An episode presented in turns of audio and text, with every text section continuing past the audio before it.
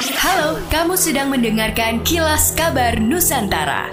Podcast persembahan KG Radio Network menyajikan berita harian yang mengangkat keunikan dari berbagai wilayah Indonesia. Kilas Kabar Nusantara dapat juga didukung oleh pengiklan loh. Ingin belajar soal isu kesehatan mental? Sering merasa sendirian dan sulit dimengerti lingkungan sekitar soal perasaan kamu? Tenang, kamu nggak sendiri kok. Dengerin podcast Anya Menjiwa yang ngebahas seputar kesehatan mental dari lingkup pekerjaan, percintaan, hingga sosial. Persembahan Medio by KG Media dan Sonora FM di Spotify.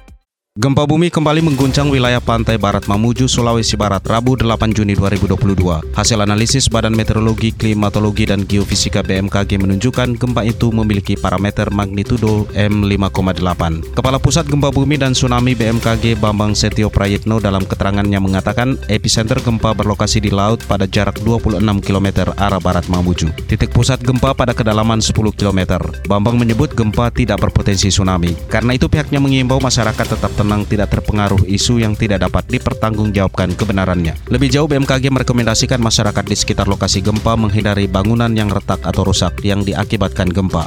Pada tahun 2023 mendatang, tenaga honorer secara resmi dihapuskan oleh pemerintah.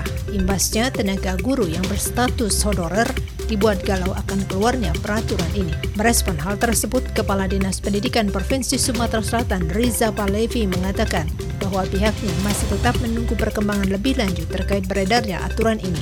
Riza yakin bahwa pemerintah tidak akan menyakiti hati rakyatnya lewat beredarnya peraturan tersebut. Sementara itu, Gubernur Sumatera Selatan Herman Deru juga menyampaikan bahwa mengenai penghapusan kepegawaian honorer pada tahun 2023 masih tahap sosialisasi.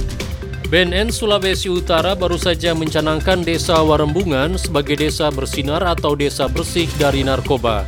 BNN berencana di 2022 akan melibatkan lebih dari 20 desa sebagai desa bersinar dengan menargetkan desa-desa yang masuk dalam kategori rawan narkoba. Menurut Victor Lasut, Kepala BNN Sulut mentilkan sejumlah desa yang dinilai rawan baik yang ada di Manado, Minahasa, dan beberapa daerah lainnya. Pencanangan Desa Bersinar ini merupakan langkah BNN Sulut untuk mencegah penyebaran dan penyalahgunaan obat-obatan terlarang. Dengan berbasiskan keterlibatan aktif masyarakat, Pasut berharap pencanangan desa ini juga dapat meningkatkan tingkat kesadaran masyarakat akan bahaya penyalahgunaan narkoba.